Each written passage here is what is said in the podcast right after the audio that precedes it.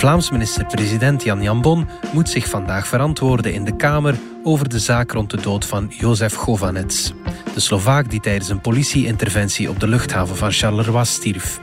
Wat wist Jambon en is hij politiek verantwoordelijk? Het is dinsdag 1 september.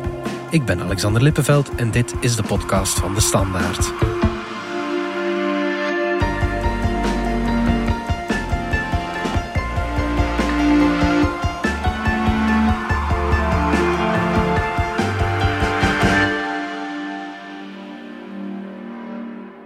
Elin Bergmans van onze Binnenlandredactie en Jan-Frederik Abbeloos, chef politiek. Hoe warm zal Jan Bon het vandaag krijgen?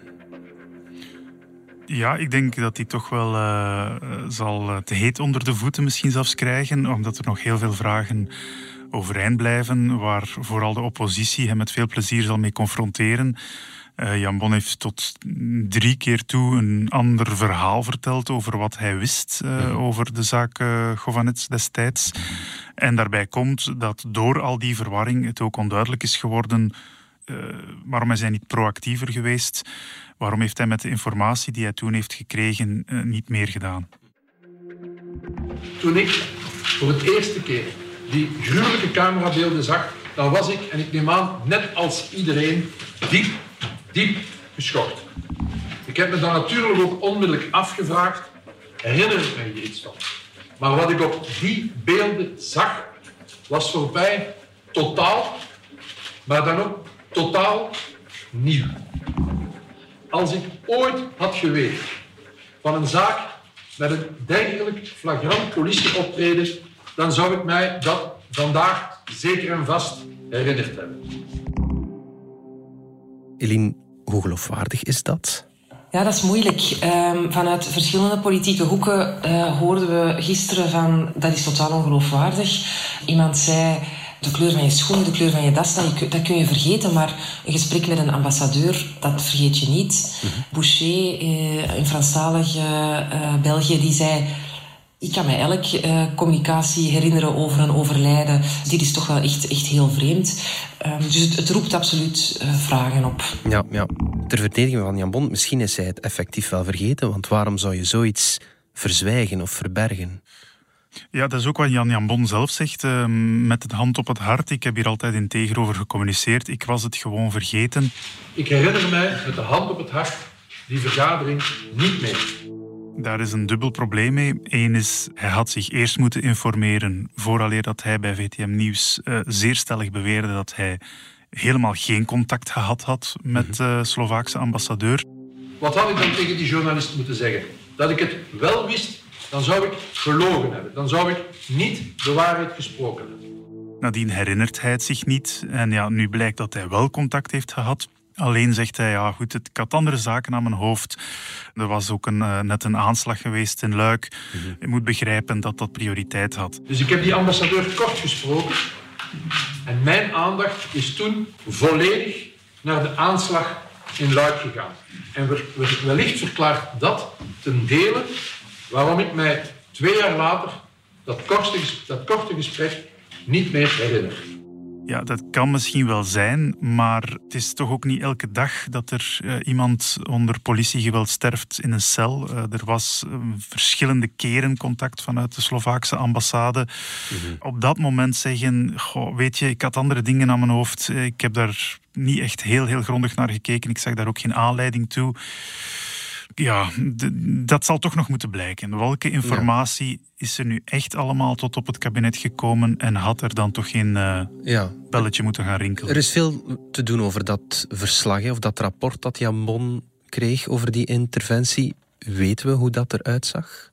Wel, wij hebben dat verslag zelf nog niet gezien, dus we kunnen er niet zoveel over zeggen. Men houdt wel vol alvast op het kabinet Jan Bon dat het verslag dat zij destijds gezien hebben, februari 2018, dat dat niet van die aard was om meteen gealarmeerd te zijn.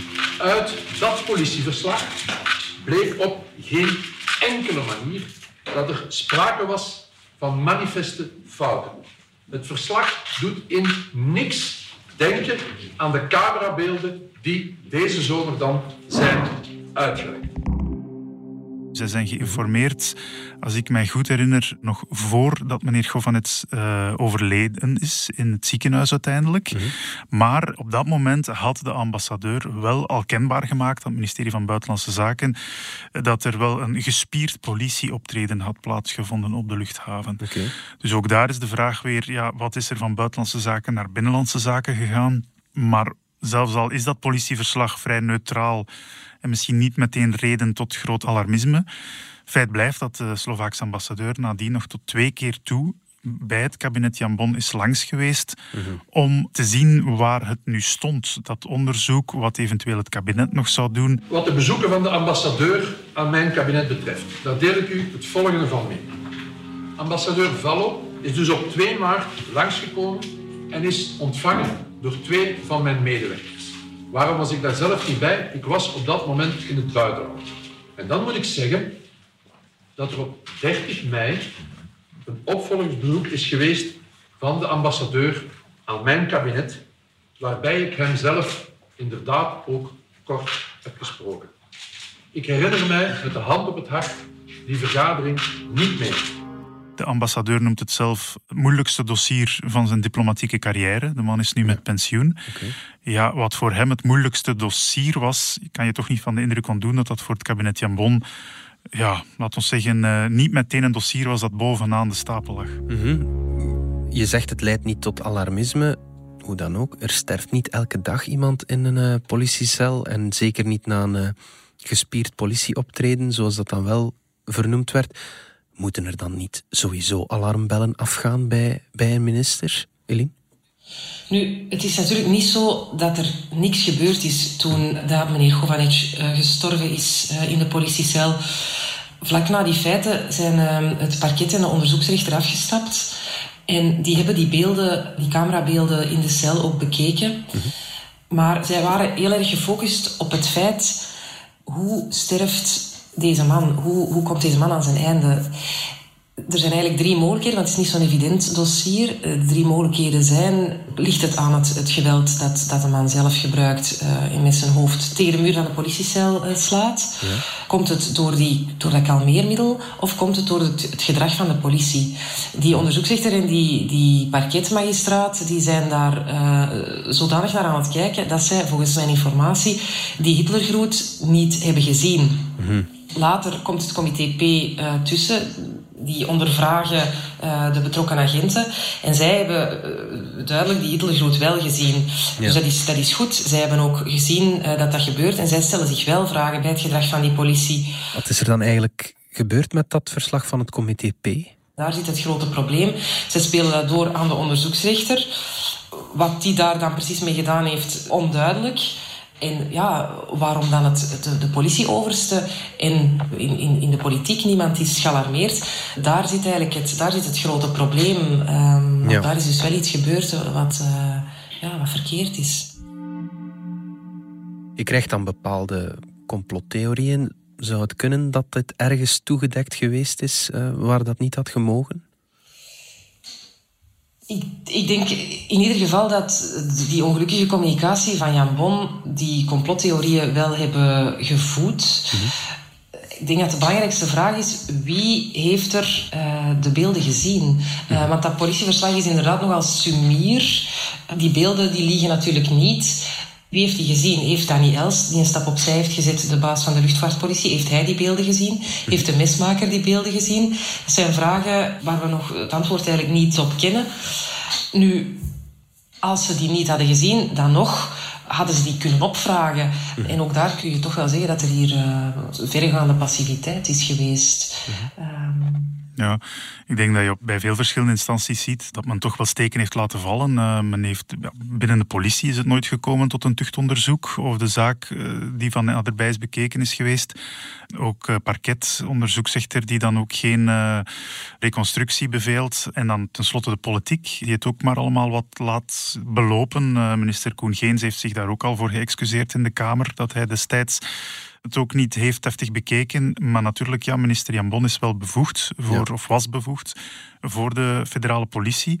Het klopt dat er rechterlijke stappen al gezet waren, maar hij had ook een rol kunnen spelen in het uh, opstarten van zo'n tuchtonderzoek. En je kan alleen maar vaststellen dat dat tot twee jaar na de feiten nog niet was opgestart. Of dat daar dan grote complotten achter zitten op het moment zelf. Ja. Dat kan je natuurlijk nu niet beweren. En is hij de de persoon die moet beslissen dat er zo'n tuchtonderzoek komt, of zijn daar nog andere mensen die daar eerst over moeten gaan?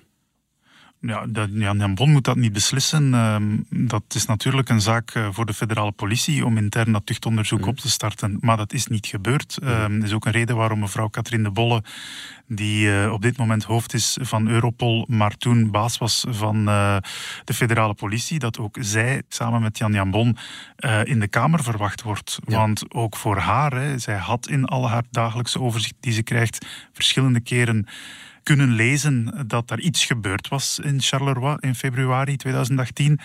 Maar ook zij heeft daar niets mee gedaan. Mhm. Ja, dat is iets um, wat voor de publieke opinie en, en, ook voor de nabestaanden enorm wraakroepend is. Dat die agenten nog altijd aan het werk zijn. Uh, dat er na 2,5 jaar gewoon geen enkele sanctie uh, tegen hen genomen is. En ja, dat is ook dat voedt die, die complottheorieën natuurlijk een beetje. Uh...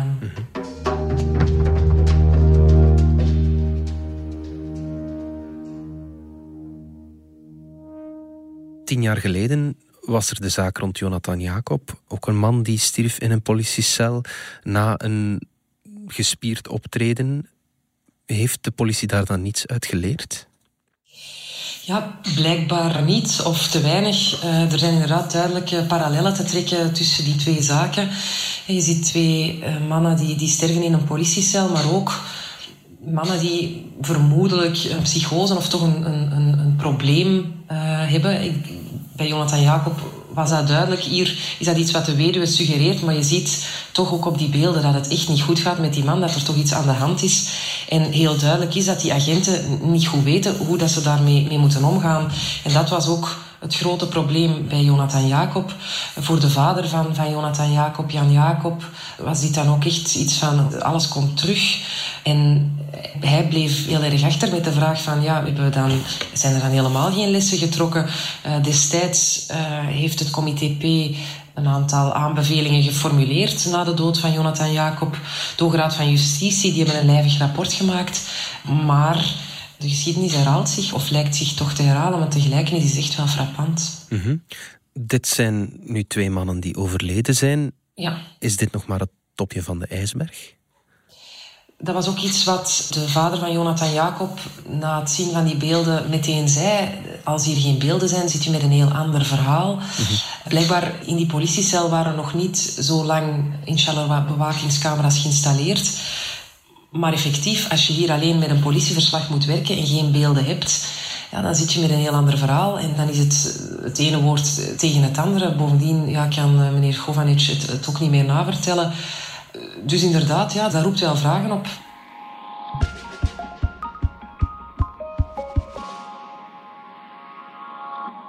Laat ons nog even kijken naar uh, Jan Jambon, vandaag uh, minister-president. Hij heeft zijn verklaring al een aantal keer bijgesteld. Hoe geloofwaardig komt hij nog over? ja, dat doet je geloofwaardigheid geen deugd. Hè? Mhm. Stel nu dat achteraf blijkt dat er destijds, februari, maart 2018, het kabinet geen enkel blaam treft. Dat dat kabinet en Jan Jan Bon eigenlijk gedaan hebben wat ze konden met de informatie die toen voorhanden was. Ja, dan is het des te pijnlijker en ook des te zuurder dat uh, meneer Jan Bon zichzelf op die manier in de voet schiet door nu eerst bij hoog en bij laag te beweren er is nooit enige informatie tot op mijn niveau geraakt. Vervolgens moet hij dan wel toegeven, ja, eigenlijk wel topniveau van mijn kabinet, maar bon, mhm. dat ben ik niet. Dat is politiek al een discutabel onderscheid dat je dan maakt als minister. Ja, en nu moet hij toegeven dat hij het ook wel degelijk wist. Ja. Ja, dat, dat creëert niet zo heel veel vertrouwen natuurlijk, uh, autoriteit. De volgende keer dat Jan Jan Bon over een dossier zal zeggen, ja, ik denk niet dat dat op mijn bureau is geraakt, ja, dan zal de reactie zijn, uh, meneer minister-president, wilt u daar misschien nog eens een uurtje over nadenken? Of gaat u nu ook een persconferentie moeten beleggen binnen een paar dagen om daarop terug te komen? Dus hoe dan ook, dat doet je politieke autoriteit als baas, hè, van mhm. de, als regeringsleider van de Vlaamse regering geen deugd. Nee, nee. En is het ook een reden om een stap opzij te zetten. Hij zit vandaag niet meer op die functie van Binnenlandse Zaken. Ja. ja, dat is natuurlijk het bijzondere. Hij, zal, uh, hij kan sowieso geen ontslag nemen als minister van Binnenlandse Zaken. Mhm. Het is al bijzonder dat hij als Vlaams minister-president mhm. langs moet komen in de federale kamer. Om uh, waarschijnlijk ja, zichzelf wat te laten uh, rond de oren meppen door de oppositie met allerlei verwijten. Voor een Vlaams nationalist is dat op zich al vrij vernederend. Ja. Of daar nu nog een gevolg zal aankomen, dat ligt vooral aan zijn eigen partij. De coalitiegenoten Vlaams, CD&V, Open VLD, ja, die hebben eigenlijk te weinig macht in die regering om hm. daar echt op tafel te kloppen. Het is pas, denk ik, wanneer men bij NVA het gevoel heeft met Jan Jambon kunnen we niet meer naar het front dan heeft Jan Jan Bon een groot probleem. Maar en hoe zit het met dat gevoel binnen NVA? Wel, tot nader orde zijn die rangen duidelijk gesloten. Of tenminste, dat was toch uh, toen we daar eh, vorige week breed op rondgebeld hebben. Nu, sindsdien is er die persconferentie geweest in dat achterafzaaltje in Braschaat op zaterdag. was ook een beetje een rare setting. Ja. Je hebt nu nog die passage in de Kamer. Ik denk dat nadien misschien eens rustig de stand van zaken zal opgemaakt worden bij de NVA. Maar wat opvalt, en dat is relatief nieuw voor die partij is dat er openlijk gezegd wordt van kijk, dit was een fout, uh, dit is niet goed, uh, dit, is, dit tast zijn autoriteit aan. Mhm. En uh, dat er ook al vanuit de Vlaamse beweging vorige week openlijk de druk opgevoerd werd en gezegd werd van kijk, misschien moet er toch maar iemand anders die Vlaamse regering gaan leiden. Mhm. Ja, dat is toch, dat, dat, soort friendly fire kan je wel missen als NVA. En het is vooral weer een, een steek voor NVA, de nummer twee, die toch wel ja, wat van zijn sokkel valt. Ehm, ja, ja, het is een sterkhouder. Is, ze hebben er natuurlijk genoeg, bij wijze van spreken, in Antwerpse rondlopen. Dus ja. uh, du choix. Uh, maar ja, Jan Jan Bon is een, een, nu al een politiek veteraan, Vlaams nationalist van het eerste uur. Het zal die partij geen deugd doen mocht hij inderdaad volledig van zijn sokkel vallen, zoals je zegt. Nu, dat is tot nader orde nog niet gebeurd. Hij zegt dat hij, zijn, uh, dat hij de komende weken en maanden zal aantonen dat hij het vertrouwen van die regering en van iedereen wel waard is. Ja, bon, het, het zal moeten blijken natuurlijk. Mhm. In het verleden stapten politici op bij zo'n voorvallen. Denk maar aan Louis Tobak bij de dood van uh, Semira Adamou eind jaren 90. Johan van Lanotte, Stefan de Klerk bij de ontsnapping van Marc Dutroux. Zijn daar parallellen te zien? Wel, um, Louis Tobak heeft al gezegd dat hij zou ontslag genomen hebben, uh, mocht hij in de plaats van Jan Jan Bon uh, geweest zijn. Mhm. Nu, we moeten wel zeggen dat de politieke zeden sinds de tijd waar je naar verwijst enorm is opgeschoven. Het was eigenlijk Didier Reinders, die als eerste een paar jaar terug het onderscheid maakte tussen mijn kabinet en ik. Toen hij zich moest verdedigen voor het feit dat ons land bijna aanstoemelings Saudi-Arabië gaat laten toetreden tot de Vrouwenrechtencommissie van de VN. Ja. ja, en dan was het excuus ook, ja, maar ik heb niet op die knop geduwd. Dat was een collega van, van mij in het kabinet en dat is nooit tot op het niveau van de minister geraakt. Nu. Hmm. En dat heeft wel de bakens verzet, want tot dan toe was het toch wel de politieke gewoonte dat kabinet en minister, dat was één en ondeelbaar. En de minister is sowieso verantwoordelijk voor zijn kabinet. Dat, dat holt het begrip van politieke verantwoordelijkheid wel wat uit natuurlijk. Ja, absoluut. Eh, nu moet je als minister uh, bij wijze van spreken al persoonlijk iets ondertekend hebben vooraleer dat je dan het gevoel zou hebben dat je ervoor verantwoordelijk bent. Je creëert zelfs, laat ons zeggen, precedenten waarbij ministers misschien wel tegen hun kabinetsleden moeten zeggen: vertel mij zo weinig mogelijk, dan kan ik altijd zeggen dat ik het niet had geweten. Dat is natuurlijk politiek ja, geen comfortabele uh, zaak voor de burger en ook mhm. niet voor het parlement, die niet de kabinetsleden kan ondervragen in Kamer, mhm. maar wel enkel de ministers. Mhm. Dus zij worden wel geacht om het te weten. Goed, Elin Bergmans, Jan-Frederik Abeloos, dank jullie wel. Graag gedaan. Graag gedaan. Dit was de podcast van De Standaard. Bedankt voor het luisteren. Wil je reageren? Dat kan via podcast.standaard.be. Alle credits vindt u op standaard.be-podcast. Morgen zijn we opnieuw.